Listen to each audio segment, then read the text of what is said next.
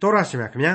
ယေရှုခရစ်တော်ကိုမိမိရဲ့ကယ်တင်ပိုင်ရှင်သခင်ဖရာအဖြစ်လက်ခံယုံကြည်ကိုးကွယ်ကြတဲ့ခရိယန်တွေရဲ့အသင်းတော်အဖွဲ့အစည်းတွေအကြားအတွေ့အခေါ်အယူအဆတွေကွဲပြားခြားနားမှုကြီးမားလာလေလေခရိယန်အသင်းတော်အဖွဲ့အစည်းတွေအကြားဝိညာဉ်ရေးဆိုင်ရာပြန်လဲနိုးကြားတက်ကြွမှုဆိုတာတွေရှိဖို့လိုအပ်လာလေလေပဲဆိုတဲ့အကြောင်းဒီကနေ့တင်ပြရသောတမန်ကျမ်းအစီအစဉ်မှာလေ့လာမှာဖြစ်တဲ့ခရိယန်တမန်ကျမ်းဓမ္မဟောင်းကျမ်းပိုင်းတွေကဣသရမတ်စာရဲ့နောက်ဆုံးအခန်းကြီးဖြစ်တဲ့ အခန်းကြီး30မှာတွေ့ရမှာဖြစ်ပါတယ်။ခရိယန်ဆိုတာယေရှုခရစ်တော်ရဲ့ရုပ်ပုံကားချက်တွေရုပ်တုဆင်းတုတွေကိုကိုးကွယ်နေကြရမှာမဟုတ်ပါဘူး။ယေရှုခရစ်တော်ရဲ့အဆိုအမိန့်ဩဝါဒတွေနဲ့နှုတ်ကပတ်တော်ကိုသာနှလုံးသွင်းပြီးကိုခံစားရတဲ့အချင်းအရာတွေကိုတခြားသူတွေကိုလည်းဝေငှပြောကြားဖို့သာဖြစ်တယ်ဆိုတဲ့အကြောင်းရှေးတုန်းကအစ္စရေလလူမျိုးတွေရဲ့အဖြစ်အပျက်နဲ့နှိုင်းယှဉ်လေ့လာရမှာဖြစ်တဲ့ခရိယန်တမန်ကျမ်းဓမ္မဟောင်းကျမ်းပိုင်းတွေက ဣသရမတ်စာရဲ့နောက်ဆုံးအခန်းကြီးဖြစ်တဲ့အခန်းကြီး30ကိုဒေါက်တာထွန်းမြတ်အေးကအခုလိုလေ့လာသုံးသပ်ရှင်းလင်းတင်ပြထားပါတယ်။ဒီကနေ့အဖို့မှာတော့ဣသရမှတ်စာအခန်းကြီး30ကိုဆက်လက်လေ့လာသွားကြရပါတော့မယ်။ဣသရမှတ်စာရဲ့နောက်ဆုံးကျမ်းပဲလို့ကျွန်တော်ကြိုတင်ပြောထားနှင်ကြပါလေ။ဒီတော့ဣသရရဲ့ဥဆောင်မှုဆိုတဲ့ခေါင်းစဉ်ကိုပေးပြီးတော့ဒီကနေ့အပိုင်းကိုစဖို့ဆိုရင်တော့ပြီးခဲ့တဲ့နောက်ဆုံးအစီအစဉ်မှာဣသရရဲ့သမိုင်းဝင်ဆုတောင်းတန်အကြောင်းကို မိษွေတို့ပြန်ပြီးတော့စဉ်းစားရင်းနဲ့ဖျားသခင်ရဲ့နှုတ်ကပတ်တော်ကိုနှစ်သက်ယုံတယ်မကဖျားသခင်ရဲ့နှုတ်ကပတ်တော်ဆိုတာဟာအစဉ်တစိုက်လိုက်နာစောင့်ထိန်အပ်သောကျမ်းစာဖြစ်တယ်ကျွန်တော်ဘဝအသက်တာအတွက်အသက်လန်းလမ်းညွန်ဖြစ်တယ်ဆိုတာကိုဆုံးဖြတ်ခံယူကြရပါလိမ့်မယ်ပြီးတော့ဘုရားသခင်ရဲ့ကျေးဇူးပြုနာတော်ဆိုတာဟာအိစရာလူစိတ်နှလုံးနှိမ့်ချသောလူတစ်ယောက်ရဲ့ဆုတောင်းတန်အပြင်လူမျိုးတော်အပေါ်မှာဘယ်လိုကြီးမားစွာတီလာရမယ်ဆိုတာဒီကို ဓမ္မသမိုင်းရဲ့သစ္စာတရားများအဖြစ်အခြေခံခံယူပြီးတော့အခုဆက်လက်လေ့လာသွားကြရမှာဖြစ်ပါတယ်။တာမန်ဖြစ်စဉ်သမိုင်းများအဆင့်မှတဲ့အဆင့်မြင်ပါတယ်။ဒီပရောဖက်အိစရာရဲ့မှတ်တမ်းများဟာဖြင့်ကျွန်တော်ကိုဝိညာဉ်ရေးသင်ခန်းစာကောင်းများပေးစွန်နိုင်လိမ့်မယ်လို့ကျွန်တော်မျှော်လင့်ပါတယ်။ဒီဝိညာဉ်ရေးအနှစ်သာရများကိုကျွန်တော်ရဲ့နှလုံးသားအတွင်းကနေချိရိမိမိရယူနိုင်ဖို့အတွက်လေကြိုးကြောင်စီလျော်တဲ့ကြမ်းပြိုင်တွေရှိပါတယ်။ဒါတွေကိုလည်းကျွန်တော်တို့လေ့လာ ပြီးသင့်တဲ့ပြီးခဲ့ပါပြီမိษွေတို့လည်းဆက်လက်ပြီးတော့လေ့လာတိုက်တယ်လို့ကျွန်တော်အားပေးခြင်းပါတယ်ပြီးတဲ့နောက်ကျွန်တော်ဖော်ပြခဲ့တဲ့ဓမ္မသမိုင်းနောက်ခံတွေကိုလည်းမိษွေတို့မေ့မပြစ်ကြဖို့အထူးပဲလိုအပ်တဲ့အကြောင်းကိုပါထပ်မံသတိပေးထားလိုပါတယ်မိษွေအပေါင်းတို့ခမညာပြီးခဲ့တဲ့ကျမ်းအခန်းကြီး9မှာတော့ကအိစရာဟာလူမျိုးတော်ရဲ့မျက်စိအလင်းကိုပွင့်စေတယ်ဝိညာဉ်ရေးအလင်းကိုမြင်ရစေတယ်ဆိုပြီးတော့ဘုရားသခင်ရဲ့ဂုဏ်တော်ကိုချီးမွမ်းခဲ့ပါတယ်အဲ့ဒါဟာဝိညာဉ်ရေးအသစ်တဖန် 노ကြားထကြွမှုအင်္ဂလိပ်လိုအဖြစ်တော့ revival ပေါ့အဲ့ဒါနဲ့အတူတူပဲဆိုတာကိုကျွန်တော်တင်ပြခဲ့ပြီးဖြစ်ပါတယ်မိษွေတော်တတ်ရှင်အပေါင်းတို့ခမညာစစ်မှန်တဲ့ဝိညာဉ်ရေး노ကြားတက်ကြွခြင်းဝိညာဉ်ရေးအသစ်တဖန်ခွန်အားသစ်များရယူပွားများခြင်းကိုလူအဖွဲ့အစည်းအများစုဟာအမှန်တကယ်သာလိုက်နာဆောင်ရွက်ကြမယ်ပြုပြင်ပြောင်းလဲကြမယ်ဆိုရင်လူတယောက်ကနေပြီးတော့သူ့ဘဝနဲ့နှီးနှွယ်တဲ့သူ့ရဲ့အိမ်တောင်စု သူ့အိမ်တောင်စုပါဝင်တဲ့သူ့လူမျိုးသူ့တိုင်းပြည်အလုံးစုံတို့ဟာလေမှန်ကန်တက်မှတ်တဲ့ပြုပြင်ပြောင်းလဲမှုလမ်းကြောင်းပေါ်ကိုပြန်ရောက်ရမှာမြေကြီးလက်ခံမလွယ်ပဲသာဖြစ်ပါတယ်အခုအချိန်မှာတော့အိစရာရဲ့ဥဆောင်မှုအောက်မှာလူမျိုးတော်ရဲ့ဝိညာဉ်ရေးတိုးတက်ပြုပြင်ပြောင်းလဲမှုတစ်ခုအဖြစ်ဘယ်လိုဖော်ပြလာမလဲဆိုတာကိုစတင်နားဆင်ကြည့်ကြပါစို့အိစရာမှတ်စာအခန်းကြီး30အငယ်1နဲ့2ထို့သောအိစရာသည်ဖျားသခင်၏အိမ်တော်ရှိမှပြတ်ဝတ်လျက် မျက်ရည်ကျလျက်တောင်းပန်၍ပထနာပြုသောအခါအလွန်များစွာသောပရိသတ်ဣသရေလအမျိုးယောက်ျားမိန်းမသူငယ်တို့သည်အိစရထံမှစီဝေး၍အလွန်ငိုကြွေးကြ၏အေလံအမျိုး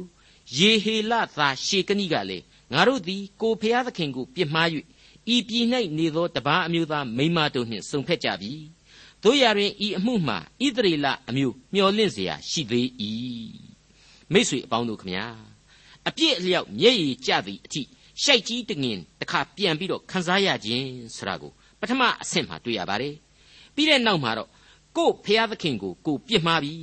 ဖျားသခင်ကိုမကိုးကွယ်တဲ့တပားအမျိုးသားမိန်းမတို့နဲ့စုံဖက်ခြင်းပြုမိပြီဆိုတဲ့အမှားကိုသူတို့ပြန်လဲဆင်ခြင်မိကြပါပြီ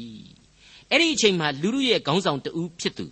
ရှေခဏိသို့မဟုတ်ရှက်ခနီယာဆိုတဲ့အမည်ကိုစပြီးတော့ကျွန်တော်တို့စံစာမှာတွေ့လာရပါတယ်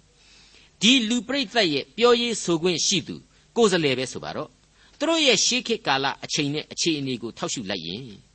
သူဟာကျွန်တော်အဖြစ်မောရှေရဲ့ပြည့်ညတ်တော်တွေကိုချိုးဖောက်ကျူးလွန်ခဲ့ကြပါပြီခမညာဆိုတာကိုထည့်ပြောခဲ့မှာအမှန်ပဲလို့ကျွန်တော်တွက်ဆမိပါတယ်အမှန်တော့ကျွန်တော်ပြောခဲ့တယ်လို့တပားမျိုးသားနဲ့ယူတယ်ဆိုတဲ့အပြစ်ရဲ့အခြေခံအနှစ်သာရကတော့ဖျားသခင်ကိုပြစ်ပယ်ခြင်းဖြစ်တယ်တပားမျိုးသားနတ်ဖျားတွေရဲ့နောက်ကို ကောက်ကောက်ပါအောင်လိုက်ချင်းသာဖြစ်တယ်ဆိုတဲ့အချက်ဖြစ်ပါတယ်ရောရင်လိုက်ဘာသာရင်လိုက်ဆိုတဲ့ဗမာစကားအတိုင်းပဲပေါ့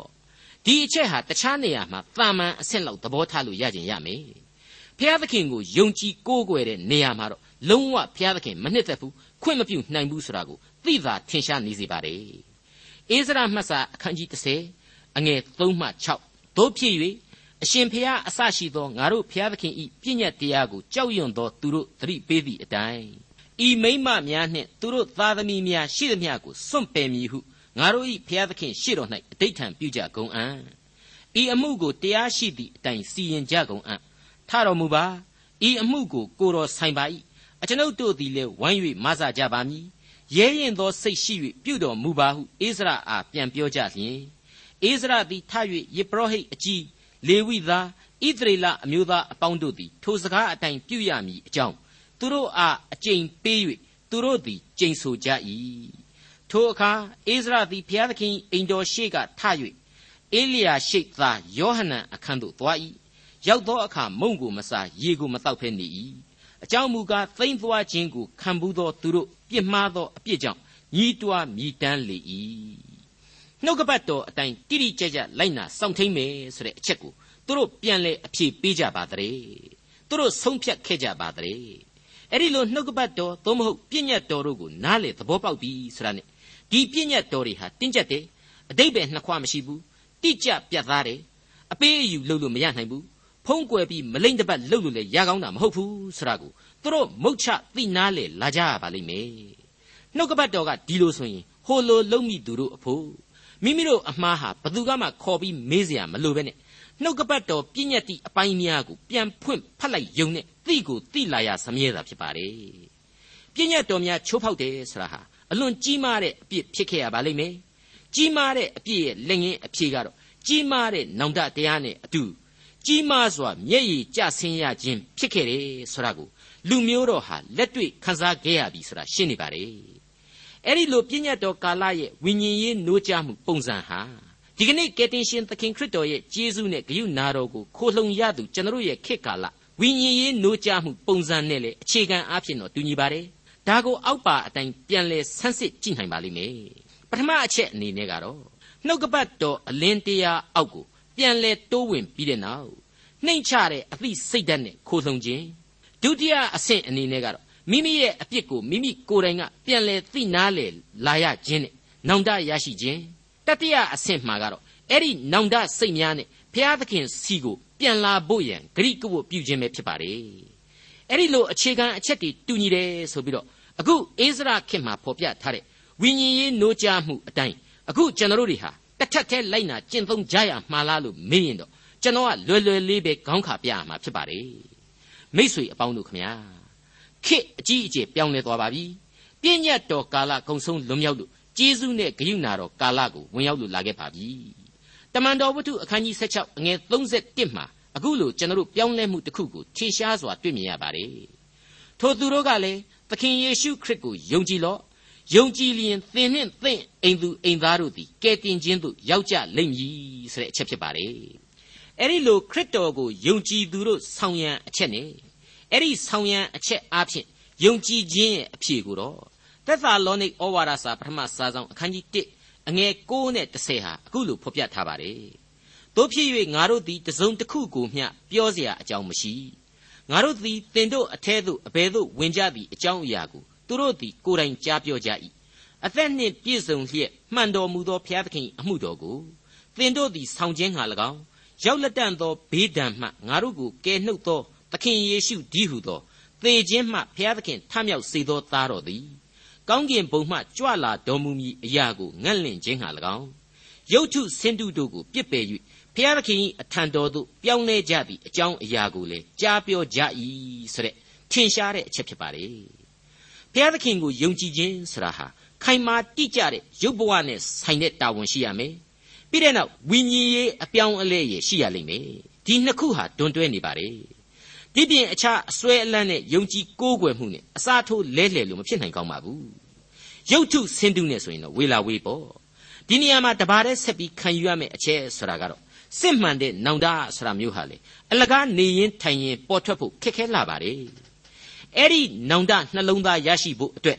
နှလုံးသားအတွင်းမှာပင်လျင်ဘုရားသခင်ရဲ့ကျေးဇူးတရားကိုခန်းစားရခြင်းနဲ့ ဘုရားသခင်ရဲ့အစွန်းဘုံတကူတော်ကိုတိကျွမ်းနားလည်မှုဆိုတာဟာရှိနှင့်ဖို့အများကြီးလိုတယ်ဆိုတဲ့အချက်ပါတခါအဲ့ဒီလိုဘုရားသခင်ကိုယုံကြည်ခြင်းရဲ့နောက်မှာပါလာရမယ်နောင်တသဘောဆိုတာကတော့ချွတ်ချော်နေပြန်ပြီးအားပြော့ရော့ရဲနေပြီဆိုရင်လေအဲ့ဒီယုံကြည်ခြင်းဆိုတာဟာအချီးနှီးသဘောတရားအတိုင်းအလဟသပြက်ပြက်သွားတာပြန်ပါလေ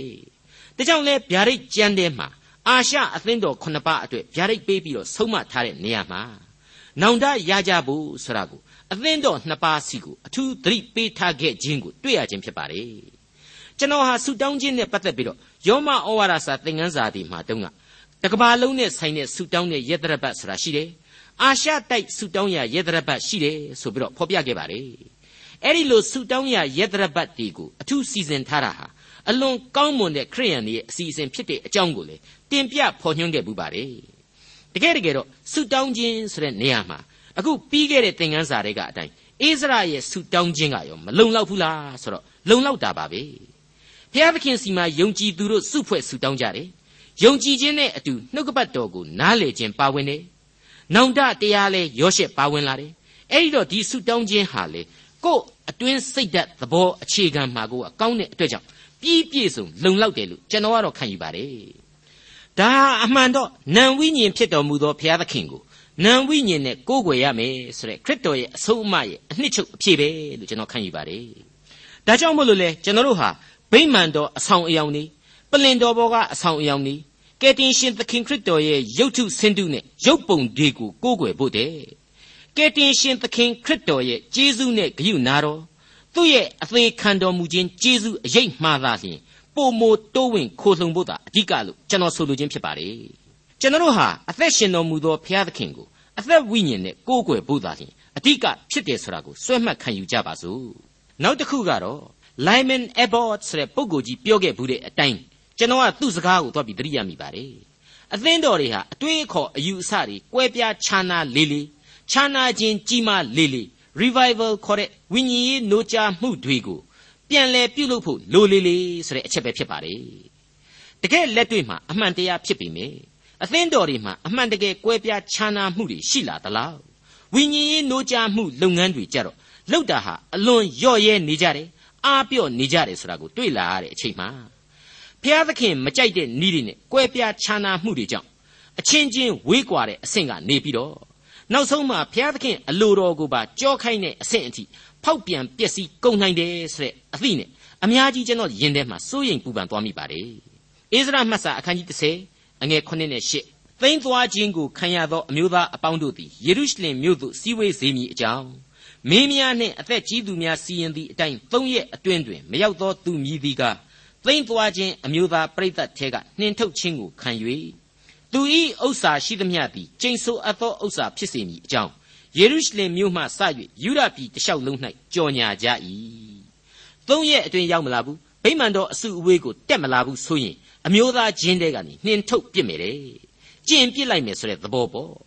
ဒါဟာရှေးခေတ်ကာလအခြေအနေရအခြေအနေအချိန်အခါအလျောက်လိုအပ်သလိုစီရင်ခြင်းဖြစ်တယ်လို့ကျွန်တော်ခံယူပါတယ်ဘာပဲဖြစ်ဖြစ်အသင်းတော်တို့ရဲ့ဗြိညင်တွေမှာအထက်ထက်ဆုံးမပဲ့ပြင်လို့မရတဲ့တပည့်တော်တွေကိုအသင်းတော်တွေကနေပြီးတော့နှင်ထုတ်ပြစ်ကြရမယ်ဆိုတဲ့အချက်ဟာ အနှစ်သာရအရာလိုအပ်လို့မှန်ကန်တယ်လို့ကျွန်တော်ခံယူပါတယ်ငါးတကောင်ကိုစားခြင်းရင်ကြက်တကောင်ကိုစားခြင်းရင်သဲကြီးကိုတော့ထုတ်ပြစ်ကြရမှာပဲမဟုတ်ဘူးလားငခုံးမတကောင်ကြောင့်တလှေလုံးပုတ်ဆိုတဲ့အဖြစ်မျိုးကိုအသင်းတော်ဟာအရောက်မခံတတ်ပါဘူးတစ်ချိန်တည်းမှာပဲနောင်တစိတ်နဲ့ပြန်လာလိုသူများကိုတော့အစဉ်လက်သင့်ခံကြရမှာဖြစ်ပြန်ပါလေနေပူကြီးတဲ့ကိုထွက်ရင်အပူရှက်မယ်ဆောင်းတွင်းကြီးမှာအင်ကြီးလက်ပြက်ကလေးနဲ့နှင်းတော်တဲ့ထွက်ပြီးလမ်းလျှောက်ရင်အေးအေးပတ်ရပါမယ်အဲ့ဒီအခြေခံသဘောတရားကို ယုံကြည်သူတို့ဟာမေ့ဖြောက်မပြစ်ထိုက်ပါဘူးဟေဘရဲဩဝါဒစာအခန်းကြီး7အငယ်15အရာဆိုရင်သင်တို့တွင်တစုံတယောက်မျှဘုရားသခင်ကျေးဇူးတော်ကိုမရဘဲမနေစေခြင်းဟာ၎င်းခါစွာသောပင်မြက်ပေါက်၍သင်တို့နှောက်ယှက်သဖြင့်လူအများတို့သည်အပြစ်နှင့်မညစ်ညူးစေခြင်းဟာ၎င်းမတရားသောမေထုံ၌မှီဝဲသောသူမရှိစေခြင်းဟာ၎င်းတနတ်စာအဖိုးနှင့်သားဥအရာကိုရောင်းသောအေသောကဲ့သို့ဖျားတရားကိုမယိုမသေးပြုသောသူမရှိစေခြင်းဟာ၎င်း သတိနှင့်ကြည့်ရှုကြလောဆိုပြီးတော့ဖော်ပြထားပါတယ်မိတ်ဆွေအပေါင်းတို့ခမညာယုံကြည်သူအဖွဲ့အစည်းဟာနိုင်ငံရေးအဖွဲ့အစည်းမဟုတ်တလို့ပေါ်ပင်အဖွဲ့အစည်းမဟုတ်ရပါဘူးရှေ့တော်မှာတန်ရှင်းစင်ကြယ်မှုရှိကိုရှိရပါမယ်ဒါဟာအရေးကြီးတဲ့မှတ်သားရအချက်ပါအိစရာမှတ်စာအခန်းကြီး30အငယ်6မှ7ယုဒအမျိုးနှင့်ဗင်ယမိန်အမျိုးသားယောက်ျားအပေါင်းတို့သည်၃ရက်အတွင်းတွင်ယေရုရှလင်မြို့မှစီဝေး၍ နဝမလအရက်20တွင်လူအပေါင်းတို့သည်ထိုအမှုကြောင့်၎င်းသီးထန်စွာမိုးရွာသောကြောင့်၎င်းတုန်လှုပ်လျက်ဘုရားသခင်အိမ်တော်ဥရှိမှထိုင်နေကြ၏ထိုအခါယေဘရဟိတ်အိစရာသည်ထ၍သင်တို့သည်ပြစ်မှားကြပြီဣသရေလအမျိုး၌အပြစ်လေးစီခြင်းဟာတပားအမျိုးသားမိန်းမတို့နှင့်စုံဖက်ကြပြီတကားတို့ဖြစ်၍ဘိုးဘေးတို့၏ဘုရားသခင်ထာဝရဘုရားအားတောင်းပန်ကြလော့အလိုတော်အတိုင်းပြုလျက်ဤပြည်သားတို့နှင့်၎င်းတပားအမျိုးသားမိန်းမတို့နှင့်၎င်း ကြွာကြလော့ဟုသူတို့အားဆို၏ဝိညာဉ်ရေးအနှစ်သာရအတိတ်ပဲကတော့ရှင်းပါလေနှုတ်ကပတ်တော်ဆိုတာဟာနားထောင်ယုံနေတဲ့ကိစ္စမပြတ်ဘူးအကောင်အထည်ဖော်ဆောင်လိုက်နာရမယ်ဆိုတဲ့အချက်ဒီနေရာမှာပေါ်လာပါတယ်လက်တွေ့ကျင့်စဉ်နဲ့ဖြည့်တင်းရမယ်ဆိုတဲ့အချက်ပေါ့စောစောကကျွန်တော်ပြောခဲ့တဲ့အချက်တွေကိုပြန်ပြီးတော့တကြော့ပြန်လောင်းသတိပေးလိုက်တယ်လို့လည်းဆိုနိုင်ပါလိမ့်မယ်ဝိညာဉ်ရေးနိုးကြားမှုသဘောအတိုင်းအဖွဲ့အစည်းအတွင်းမှာတန်ရှင်းစင်ကြယ်စေခြင်း ပြီးနောက်မှာတော့မိမိတို့ရဲ့ဇာတိပဂရိအပြစ်များနဲ့ရှိသမျှသောအာနေခြင်းအပြစ်အလုံးစုံတို့အတွက်ဝန်ချတောင်းပန်အသနာခံခြင်းများပါဝင်ပါတယ်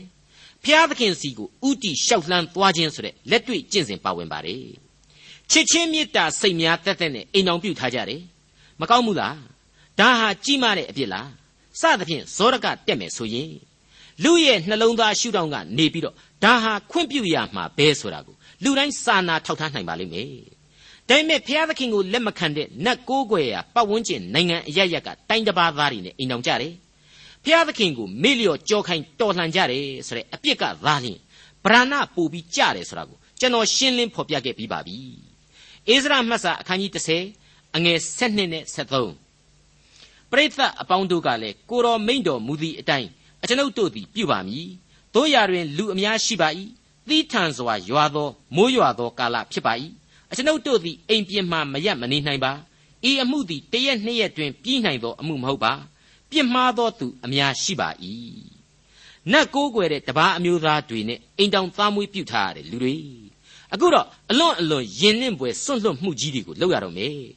လူနှလုံးသားခန်းစားချက်ကနေကြည့်မယ်ဆိုရင်တော့အတော့ကိုနာကျင်ကြိုက်ခဲစရာခန်းစားချက်ဖြစ်ကိုဖြစ်ကြရပါလိမ့်မယ်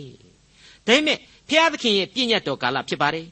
ဣသရေလနိုင်ငံတော်ကို ဣသရေလနဲ့သူတို့ကိုးကွယ်တဲ့ယေဟောဝါဘုရားသခင်နဲ့သာပြန်ပြီးတော့စတင်ကြရပါလိမ့်မယ်။ဒါကြောင့်မလို့မျက်ရည်များနဲ့ပေးဆက်ရလိမ့်မယ်။နှလုံးသားခံစားချက်များနဲ့ပြန်လဲပေးဆက်ကြရပါလိမ့်မယ်။အဲ့ဒီအချိန်မှာတော့ကန်ဆိုးမသွားရမိုးလိုက်လို့ရွာဆိုတဲ့စကားအတိုင်းပဲလေ။မိုးတွေတီးထန်စွာရွာချလာတဲ့။အဲ့ဒါနဲ့ပဲအိစရာရဲ့ဥဆောင်မှုအောက်မှာတပားမျိုးသားတွေနဲ့အိမ်တော်ပြုထားတဲ့လူတွေဟာဝိုင်းပြီးအော်ဟစ်ကြပါတယ်။ကျွန်တော်တို့ဟာကျွန်တော်တို့နဲ့လက်ဆက်ထားတဲ့အိမ်တောင်တွေနဲ့ကြွားရှင်းပါမယ်။ ဒါပေမဲ့မိုးတွေအရန်ရွာနေလို့အိမ်ပြင်တောင်မှထွက်ဖို့ခက်ခဲတဲ့အခြေအနေမှာဆက်ရောက်နေပါပြီ။ဒါကြောင့်မလို့အခုချက်ချင်းမကွာရှင်းမပြတ်ဆဲကြရသေးပဲနဲ့ခဏသဲကြီးခံကြပါဆိုပြီးတော့အော်ဟစ်တောင်းပန်ကြခြင်းပါပဲ။ဒီအပိုင်းမှာစဉ်းစားစရာတွေကတော့ကျွန်တော်ခေါင်းထဲမှာအစီအီပေါ်လာပါတယ်။ပြီးခဲ့တဲ့အိစရာမှတ်စာအခန်းကြီး9အငယ်1ကိုပြန်ကောက်ယူကြည့်လိုက်ရင်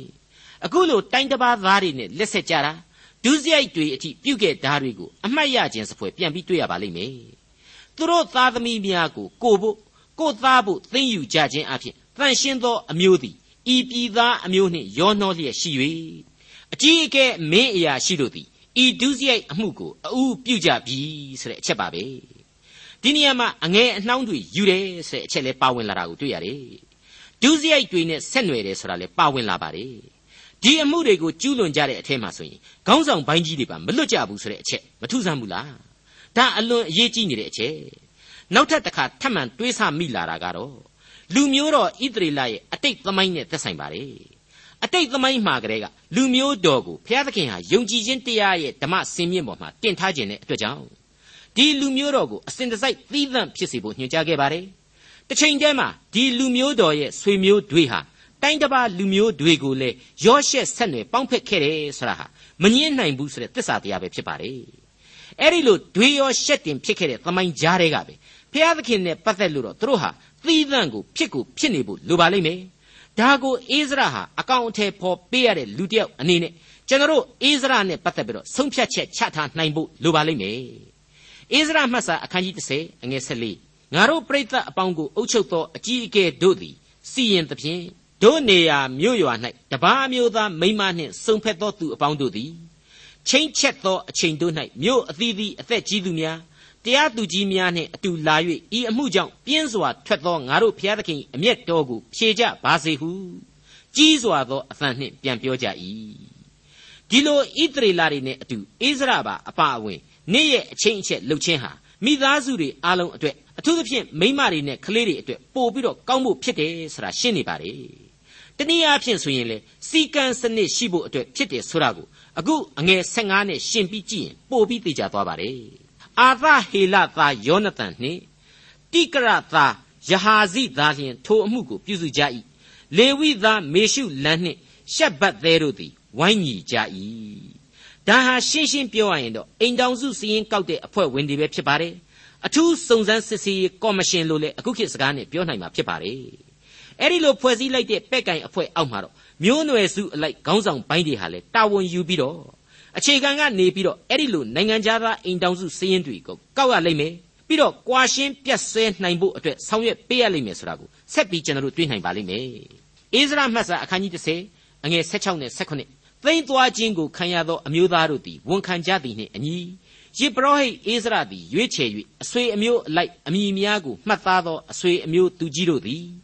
ဒသမလတရက်နေ့တွင် ထိုအမှုကိုစစ်ကြောခြင်းဟာထိုင်နေကြ၏တပါးမျိုးသားမိမနှင့်စုံဖက်သောသူအပေါင်းတို့ကိုပထမလတရက်နေ့တိုင်အောင်အကုန်အစင်စစ်ကြောစီရင်ကြ၏မိษွေတော်တတ်ရှင်အပေါင်းတို့ခမညာအာဗြဟံဟာအီဂျစ်အမျိုးသမီးကလေးဟာဂရနဲ့လက်ဆက်ပြီးတော့ဣရှမီလကိုမွေးဖွားခဲ့ပါတယ်ယုဒဟာခါနန်သူတာမာနဲ့ယူခဲ့တယ်လို့မောရှေဟာမိဒရန်သူဇီပေါရနဲ့အိမ်တောင်ကြခဲ့ပါတယ်အဲ့ဒီလိုပါပဲယောသတ်ဟာအေဂုတ်ထုအမျိုးနဲ့ပေါင်းဆက်ပြီးတော့မှ မနာရှေနဲ့အေဖရိမ်ဆိုတဲ့အမျိုးတွေကိုထွန်းကားခဲ့ပါတယ်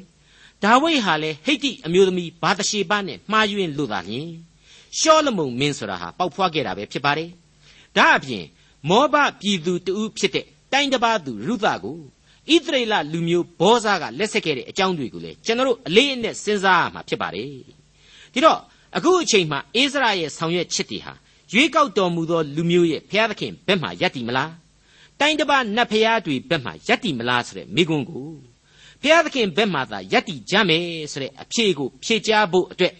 ဓမ္မသမိုင်းရဲ့ရှေးပြည့်ညတ်တော်များနဲ့အညီဆောင်ရွက်ခြင်းသာဖြစ်တယ်။အိစရာရဲ့အဲ့ဒီလှုပ်ဆောင်ချက်တို့ဟာကျွန်ဘဝ၌နှစ်ပေါင်း80ကြာခဲ့ပြီးမှ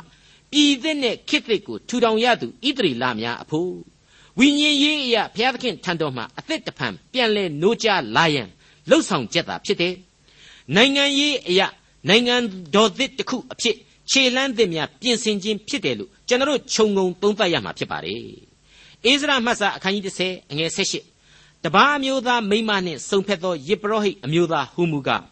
ယောရှုအမျိုးသားယောဇဇက်သားနှင့်သူ့ညီမာသေယအေလီယေဇာယာရိတ်ဂေဒလိဒီဣသရေလလူမျိုးတော်ရဲ့ဝိညာဉ်ရေးခေါင်းဆောင်ပိုင်းမှာတောင်းမှဒီလိုတိုင်းတစ်ပါးအမျိုးသမီးများနဲ့အိမ်တောင်ပြုတ်မှုတွေရှိခဲ့တယ်ဆိုတာရှင်းနေပါတယ် အငယ်၁၉သူတို့သည်မယားနှင့်ကြွာမည်ဟုဂရိထားကြ၏ပြုတ်မိသောအပြစ်ကြောင့်သိုးကိုပူဇော်ကြ၏မိษွေအပေါင်းတို့ခမညာဒီဣသရေလလူမျိုးတို့ဟာအပြစ်ဖြေရာရစ်ကောင်အဖြစ်နဲ့သိုးတငယ်ကိုရစ်ပူဇော်ကြရတယ်ဆိုတာကိုကျွန်တော်တို့တွေ့ရတော့အံ့ဩစရာမကောင်းဘူးလားအဲ့ဒီအပြစ်ဆိုတာဟာအခုမှဖြစ်ရတဲ့အပြစ်မဟုတ်ဘူးလေဒါကိုရောကျွန်တော်တို့အတိတ်သမိုင်းမှာကျွန်တော်စောစောကပြောခဲ့တဲ့အတိုင်းတွေ့ရတွေ့ခဲ့ရပြီးပါပြီ ဒီတော့အတိတ်ကာလတစ်လျှောက်လုံးတင်ရှိခဲ့တဲ့အပြစ်ကြွေးဆိုတော့ဘိုးဘေးဘီဘင်ရဲ့သမိုင်းအပြစ်ကြွေးတွေကိုပါကျွန်တော်တို့ထည့်တွေ့ရတော့မယ်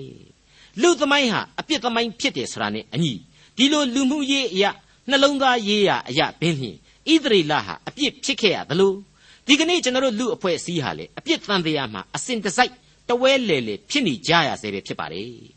ဒါပေမဲ့အဲ့ဒီလိုအပြစ်တွေထဲမှာမှဖျားသခင်ကိုမေ့လျော့ကြောခိုင်းခြင်း တော်လှန်ပုန်ကန်ခြင်းအပြစ်ဆိုတာဟာလေအကြီးအကျယ်ဆုံးဖြစ်တယ်လို့